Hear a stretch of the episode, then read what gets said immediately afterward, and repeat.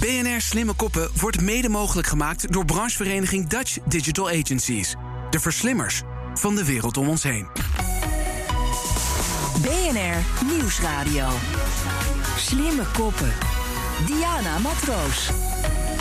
Welkom bij BNR Slimme Koppen. Terwijl de hele wereld op zijn kop staat, zoeken wij in dit programma naar oplossingen die Nederland slimmer en innovatiever maken. Hoe werkt het? Elke week hebben we één uitdager en twee pitches. De uitdager zet een vraagstuk neer, een relevant thema. En de pitchers moeten de uitdager zien te overtuigen met verrassende en innovatieve oplossingen. En aan het einde van het programma horen we wat de uitdager meeneemt van al die mooie ideeën. En deze week de online wereld. Want iedereen lijkt het erover eens. Silicon Valley heeft te veel macht en wij staan erbij en kijken ernaar. When you go to Google and type in climate change is, you're going to see different results depending on where you live and the particular things that Google knows about your interests. That's not by accident, that's a design technique. What I want people to know is that everything they're doing online is being watched, is being tracked. Every single action you take is carefully monitored and recorded. A lot of people think Google's just a search box and Facebook's just a place to see what my friends are doing. What they don't realize is there's entire teams of engineers whose job is to use your psychology against you. I was the co-inventor of the Facebook like button. I was the president of Pinterest, Google, Twitter, Instagram. There were meaningful changes happening around the world because of these platforms. Ja, en ik heb hier uh, de CCO van WeTransfer, tevens de co-founder van WeTransfer, Damien Bradfield. De uitdager. Ik zag je uh, echt uh, in gedachten meeluisteren met het fragment. Ik neem aan dat je hem hebt gezien, de Social Dilemma. Volgens mij heeft de hele wereld dat, dat, ja. de film gezien. En wat, en wat voel je dan als je dit fragment weer hoort, toen je hebt gekeken? Nou, het is super belangrijk, weet je. Het is wel een belangrijke film. Dat heeft uh, heel veel invloed en impact gehad op heel veel mensen. Maar um, is niet nu nieuws. Want ik, ik heb dit verhaal uh, 15 jaar lang gehoord en gevolgd. Um, maar het is wel leuk dat het nu een soort massaproduct is. En het uh, komt op Netflix. En dat iedereen nu een beetje luistert en eigenlijk meedoet. En is uh, wel onder de indruk van hoe belangrijk technology is en wat voor invloed het heeft, niet alleen maar op, op ons, maar op onze kinderen. Ja, maar je hebt dus, uh, geeft ook aan, ik loop natuurlijk zelf heel lang in die wereld. Voor mij is het uh, niks nieuws. Je hebt daar ook een boek over geschreven. Noem het, noem het boek nog even. The Trust Manifesto. Ja, en dat gaat ook nou ja, over, dat, over dat hele concept. Wat drijft jou om hier aandacht voor te vragen? Ik heb twee kinderen van 12 en 14. En um, nou, wat ik heb wel meegemaakt in de laatste uh, vier, vijf jaar dat zij een telefoon heeft, is dat um, het gaat alleen maar om die telefoon. Uh, alles draait om Snapchat of Instagram of uh, YouTube en vriendschap is daarop gebaseerd. Maar eigenlijk, als je, als je kijkt hoeveel tijd wij investeren online. Mijn kinderen, toen wij in Amerika woonden, waren zeker zeven uur per dag online. School was online. Um, alle hun tests uh, waren online en eigenlijk heel veel was van Google zelf. En online zijn de, er is geen um, neighborhood watch, er is ja. geen politie, er is geen public ruimte, het is, is allemaal privé. En, en, daar ben je best wel een beetje van geschrokken, uh, merk ik ook hoe je erover praat. Want voel je dan ook van jeetje, ik ben gewoon onderdeel van deze gemeenschap, voel me daar ook wel schuldig ja. over? Nou, ik voel me niet schuldig, maar ik, voel, ik heb wel een verplicht gevoel om iets te doen. Ja. Daarom heb ik het boek geschreven, want ik wil gewoon opschrijven wat wij als bedrijf in WeTransfer hebben geprobeerd te doen de laatste tien jaar. Mm -hmm. En ik wilde ook uh, een beetje um, een verhaal te creëren, zodat mensen kijken uh, naar het internet met andere ogen. En uh, wat ik probeer te doen in het boek is letterlijk mensen te laten zien dat wat wij doen online is een nieuwe wereld creëren. En we hebben geen speelregels in het Ja. wereld. En het is allemaal privé. En dat is niet gek. Nee. Want als je kijkt terug naar een stad zoals Londen. Londen is bijna 2000 jaar oud. En die eerste parken, uh, uh, public spaces, waren alleen gecreëerd in uh, 1845 of zoiets. Er wordt- Het duurt in 1800 jaar voordat die, die, die, die ruimtes waren gecreëerd... waar wij kunnen gewoon met elkaar veilig Ja. eh, in openbare ruimte praten. Of Wat, wat, het dus, wat ik dus, dus je, dit, dit- is de achtergrond waar het vandaan komt. En wat ik een fantastisch voorbeeld vind, eh, wat je geeft, is dat wij als consument daar ook heel anders mee omgaan. Bijvoorbeeld als het gaat om een Nike-schoen kopen. Hè. Als we dat in een winkel zouden doen, fysiek, dan zouden we het nooit accepteren als. Ja, online je bent eh, je bent gewoon gestorkt. Ja. Als, je, als je kijkt naar een, een paar schoenen en je zet hem gewoon even terug... dan gaat hij door de internet eh, naar elke website... en je focus je letterlijk door de internet. Dat vinden wij prima. Ja. Is, Terwijl op straat, eh, stel ik ga een winkel in en ik loop naar buiten en iemand komt achter me aanrennen. Hé, hey, wil je die Nikes toch niet hebben? En ik kom in een andere winkel en dan komt weer iemand met die Nikes aan. Dat zouden we niet accepteren, toch? nee, helemaal niet. Ja. Maar we hebben eh, de, de, de, de regels die we hebben online zijn compleet anders dan wat we hebben offline. Ja. En eh, voor de toekomst, voor onze kinderen, moeten wij gewoon zorgen dat er zijn dezelfde regels online. Want daar, zeker nu door de pandemie, zijn we meer online dan ooit. Ja. En dan heb jij dan een hele boute stelling dat 60% van het internet weg zou kunnen. Het is een beetje een ander verhaal, maar ehm, wat ik had geschreven in uh, Financial Dagblad was dat ehm, wat, je, wat je ziet nu, en zeker door de social dilemma, hebben veel meer mensen hebben gezegd: Weet je, ik ben klaar met uh, Google, ik ben klaar met Facebook, ik wil privacy en ik wil zorgen dat mijn data is van mij. Dus wat we hebben wel gezien is dat veel meer, veel, veel meer mensen gebruiken private browsing en VPN's en zijn bewust bezig met uh, privacy. Nou, als dat gebeurt en, en, en mensen gebruiken uh, advertising blockers, dan 60% van het internet dat, dat, dat leeft van reclame. Ja. Zal misschien wegvallen. Dus daar moet je gewoon even op een andere manier naar kijken. En dat is natuurlijk ja. een enorme uitdaging. En daarmee kom ik ook bij de pitchers van vandaag. Want eens kijken ja. hoe zij nou kijken naar dit dilemma. Uh, hoe je dat uh, oplost. Slimme kop 1. Siri Berends van Setup is een non-profit organisatie. die digitale ontwikkelingen met kunstenaars en ontwerpers tastbaar maakt. voor een breed publiek. En jullie hebben een hele innovatieve oplossing. En dan hopen jullie dat Mark Zuckerberg daar als eerste sorry zegt. Wat dat is, Siri. Ik ga trouwens geen grappen maken over jouw naam. He, want die, die kom je al veelvuldig tegen, volgens ja, mij. dat gebeurt heel vaak. Dat ja. gebeurt heel vaak. Uh, ik wil je nu vooral de mogelijkheid geven om jouw verhaal te pitchen. Yes. In de afgelopen jaren zijn we overspoeld met sorry's van techontwikkelaars die spijt hadden van hun creaties.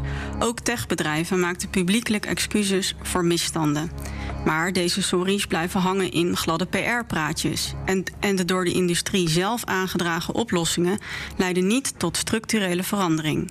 Daarom hebben we een plek nodig waar we samen met techbedrijven, gedupeerden en iedereen die daarover mee wil praten, de excuses om kunnen zetten in een handleiding voor verbetering.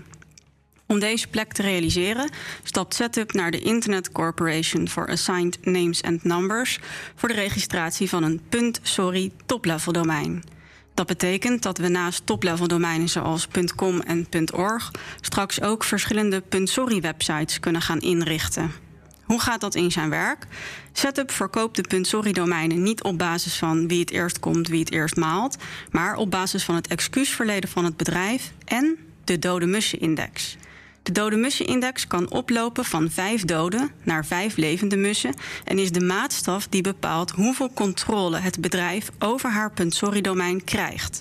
Hoe slechter de excuses van het bedrijf en hoe minder effectieve maatregelen zij nemen, hoe meer de samenleving blij wordt gemaakt met een dode mus. Bijvoorbeeld, Facebook biedt excuses aan voor een dataschandaal, maar ze nemen geen echte stappen om te voorkomen dat dat opnieuw gebeurt. In dat geval krijgen ze vijf dode mussen en mogen gedupeerden de Facebook.sorry inrichten. Maar als Facebook wel goede excuses maakt en verantwoordelijkheid neemt voor de impact van hun platform, verdienen ze levende mussen en krijgen ze zeggenschap over hun .sorry-domein. Zo creëren we niet alleen maatschappelijke druk, maar faciliteren we met .sorry een dynamiek die ruimte biedt voor dialoog en vooruitgang. Een heel uh, mooi idee waar we straks van gaan horen wat de CEO van WeTransfer, Damien Bradfield, daarvan vindt.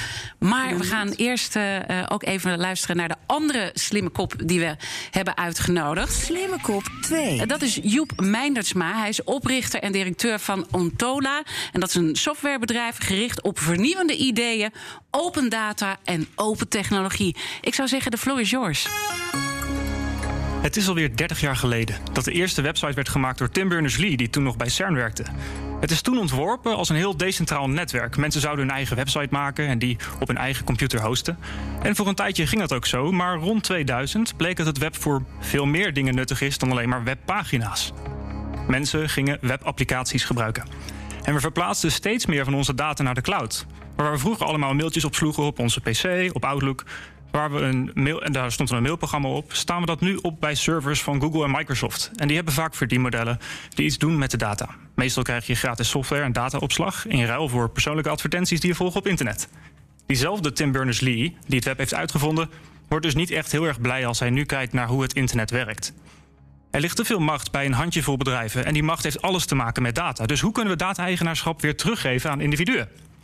Het antwoord door veel meer te gaan standaardiseren.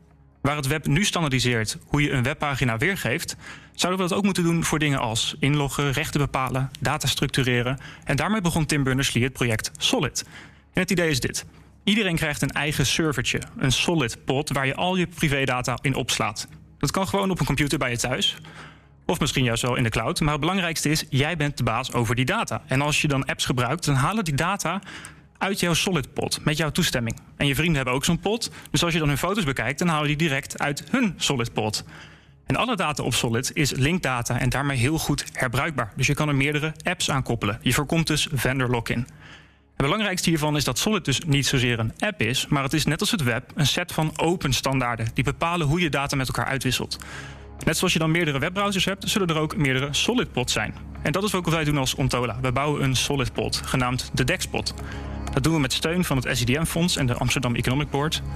En deze SolidPod, de, de is nu volop in ontwikkeling en zal als gratis open source tool beschikbaar worden gesteld.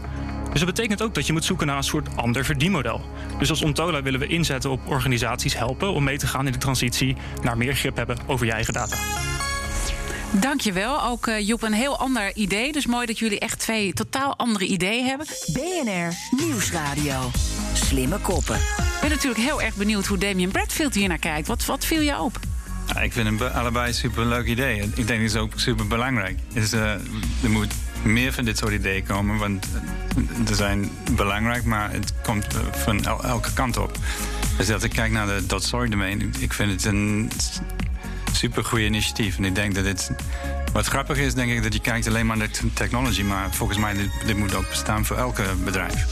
Ja, zeker. Nou ja, dat, dat was ook een beetje in de social dilemma. Zie je toch dat de tech-industrie zelf weer met allemaal technologische oplossingen komt. Terwijl je ook moet kijken naar sociale, economische systemen waar we in zitten. En ik denk dus dat met een dot-sorry domein ga je inderdaad breder kijken. En zeg je niet weer tegen dezelfde industrie die ons in deze situatie heeft gebracht. gaan jullie het maar voor ons oplossen. Maar we vinden echt dat de maatschappij in zijn geheel nu aan zet is om met ideeën te komen. Is dat inderdaad een wijs uh, besluit om niet te zeggen de sector moet het zelf oplossen, maar van buitenaf zaken inbrengen? Oh, zeker. Er zijn drie delen van, van hoe we gaan dit oplossen. Wij moeten iets doen, dus het ligt ook aan ons om te zeggen wij willen iets anders. Als wij betalen voor Google of voor data of voor Facebook, dan wij willen gewoon de, de mogelijkheid om te kiezen wat gebeurt met onze data of uh, wat wij willen van die, deze soort public ruimtes.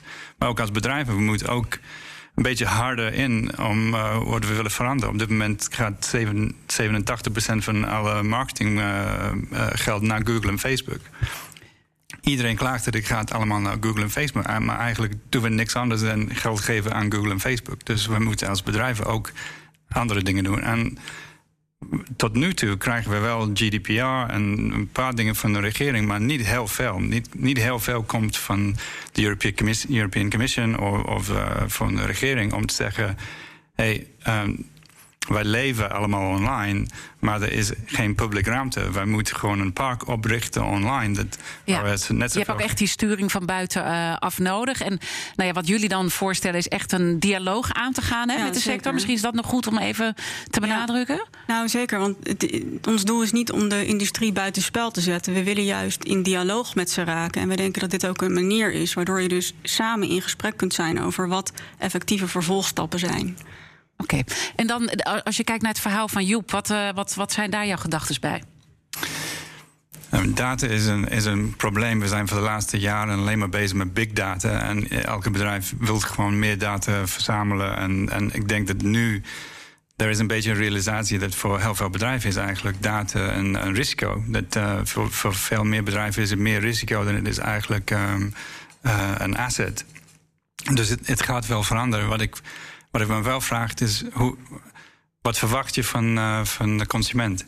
Moet de consument dit zelf doen? Moet de consument zelf uh, die, die solid ruimtes gebruiken om en oprichten en alles? En als dat zo is, is het best wel de vraag van mijn moeder bijvoorbeeld. Ja. Dat uh, ik vraag me af. Als... Nou, als je alleen nog naar mij kijkt, hoor, dan, dan, dan zou ik het ook ingewikkeld vinden. Het moet natuurlijk zo makkelijk mogelijk worden. Ja. Eigenlijk zou je als eindgebruiker niet eens moeten weten dat je bezig bent met je data op solid zetten. Het is gewoon net zoiets als je opent een app op je telefoon, je logt ergens in. Alleen is er dan bij het inloggen het verschil dat je niet klikt op inloggen met Facebook of inloggen met Google, maar je logt in met je eigen servertje. Want daar staat ook al je authenticatielogica, alles wat je nodig hebt om ergens te kunnen inloggen. Ja. En datzelfde geldt dus ook voor al je data. Maar uiteindelijk moet het net zo makkelijk gaan worden als alle apps die je al gebruikt. En als extra bonus daarbovenop zal het voor ontwikkelaars makkelijker kunnen worden om data te hergebruiken die iemand anders al een keer heeft gemaakt in een andere app. Dus stel je hebt een bepaalde app waarin je bijvoorbeeld je kalender managt.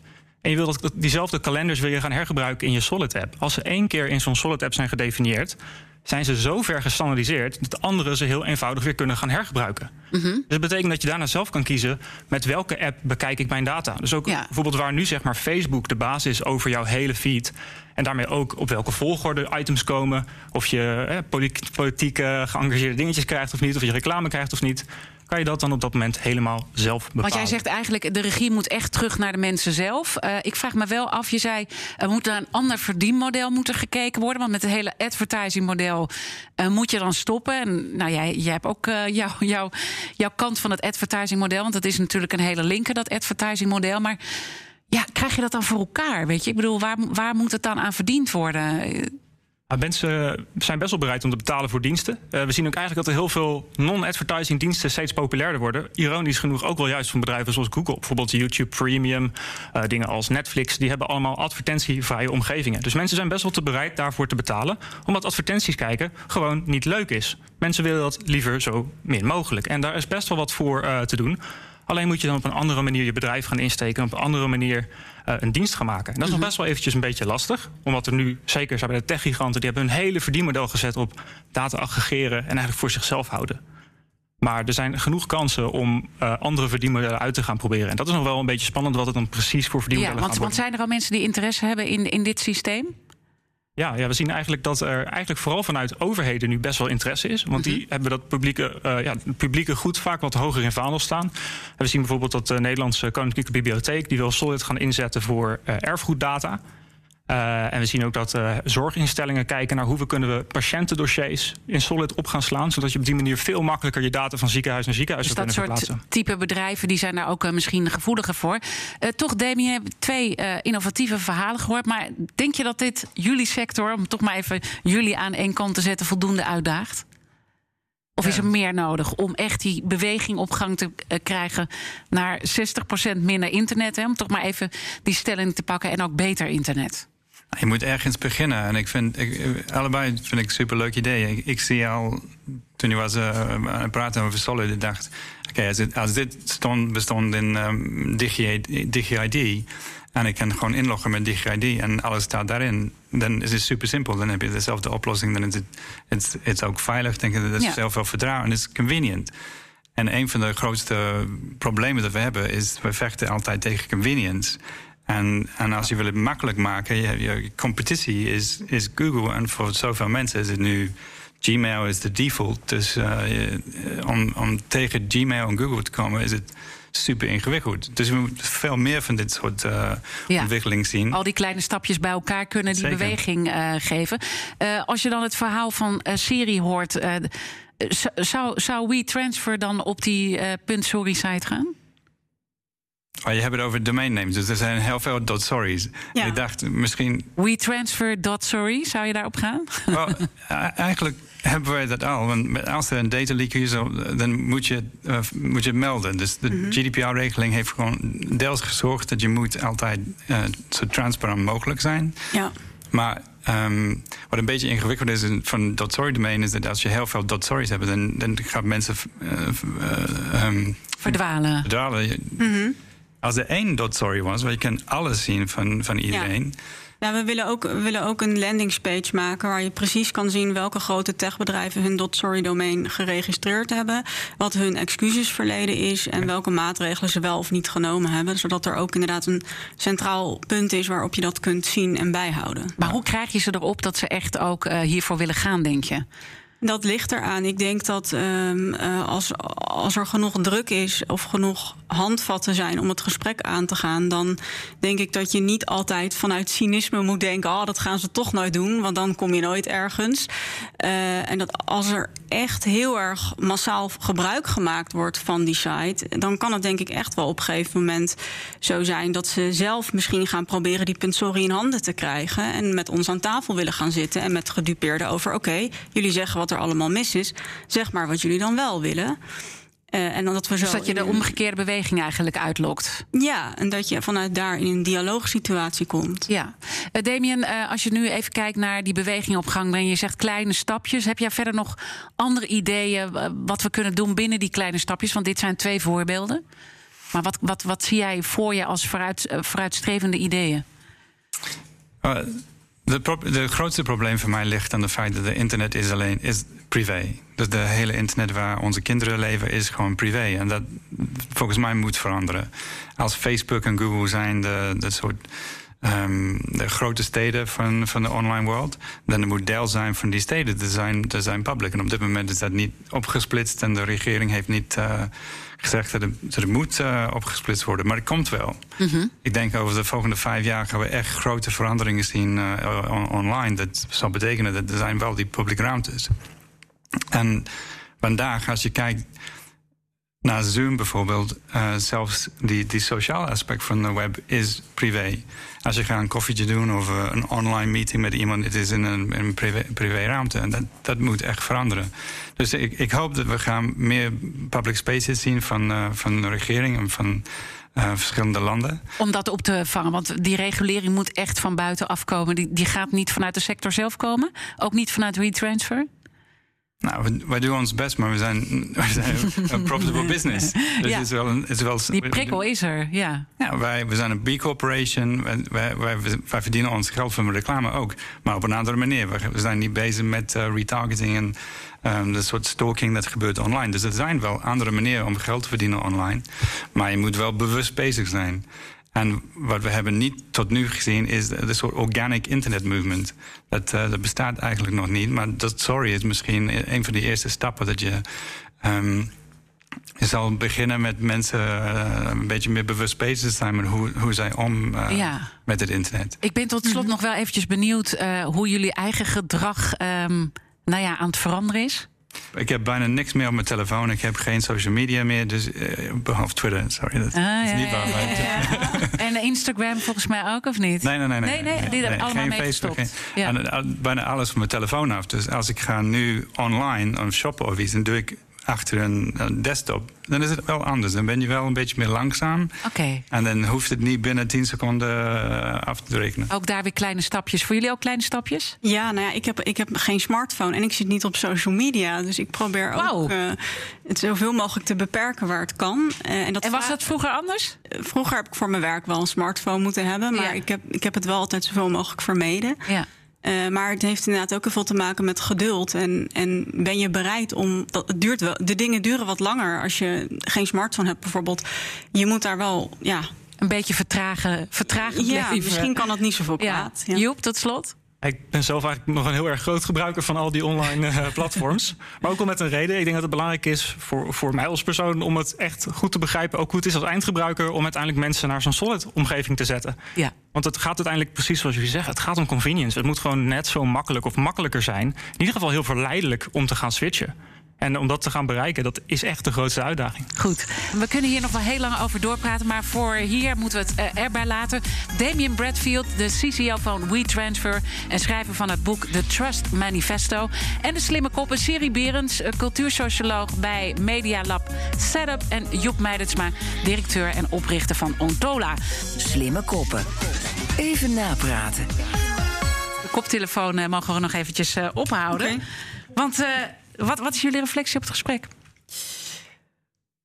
Ja, uh, goed. Dat was heel interessant. Ik, ja, inderdaad, het, een ander verdienmodel, dat, dat is ook iets waarvan ik ook heel erg de, de noodzaak in zie.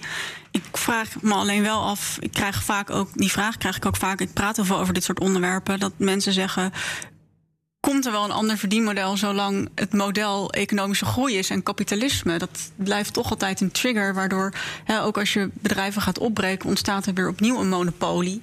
Ja, ja dat is ook echt een beetje eh, mijn angst. Van uh, een ander verdienmodel vinden kan misschien wel heel, heel fundamentele vragen gaan stellen over menselijk gedrag en hoe ze switchen. Bijvoorbeeld nu is het zo dat mensen uh, betalen eigenlijk met hun tijd en aandacht. En degenen die het best zijn om die tijd en aandacht om te zetten in geld, zijn degenen die daar een verdienmodel aan hebben gekoppeld. Hmm. En die kunnen vervolgens dat geld weer gebruiken om beter te zijn in aandacht pakken.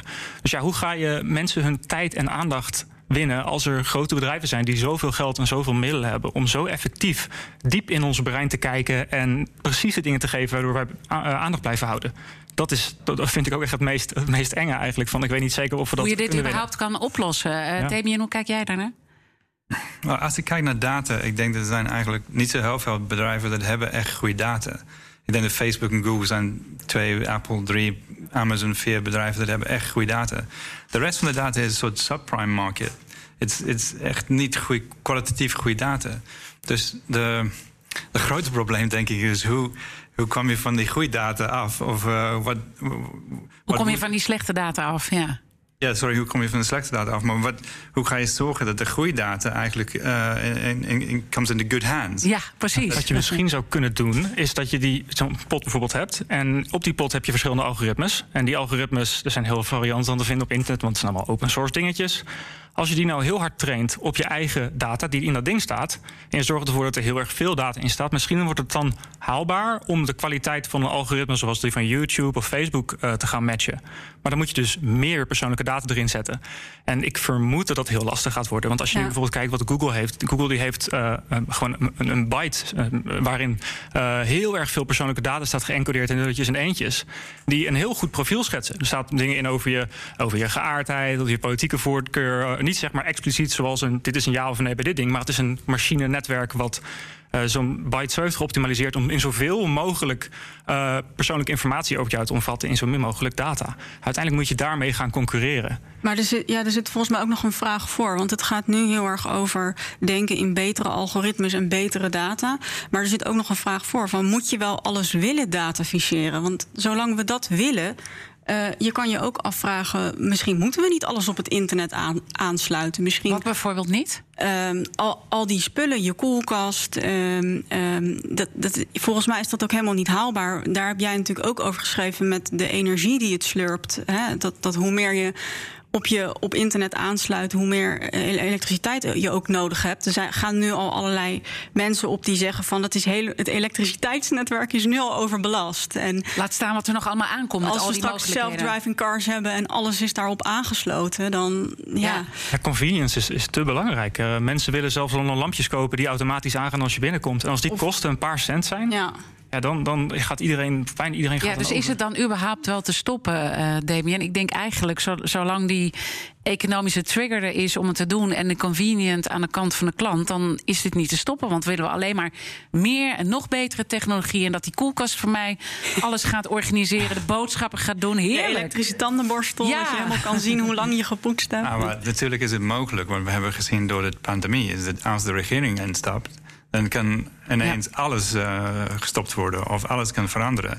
Zonder dat, eh, dat op zo'n niveau een beslissing is gemaakt, is dit onmogelijk. Geen bedrijf gaat zeggen: nee, alsjeblieft, geef me minder data of eh, whatever. Dat, dat gaat niet gebeuren. Maar de, Je blijft elke keer toch naar die overheid wijzen. En dan denk ik, die overheid die heeft wel een enorme achterstand. Want die weten volgens Ja. mij zelf totaal niet hoe het werkt. Of wel?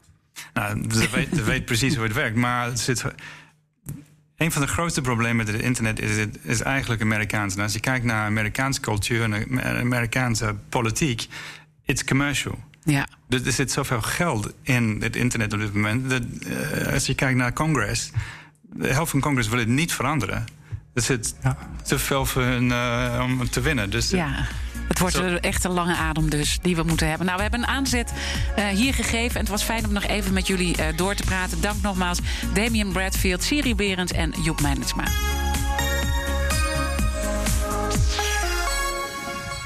BNR Slimme Koppen wordt mede mogelijk gemaakt door branchevereniging Dutch Digital Agencies. De verslimmers van de wereld om ons heen.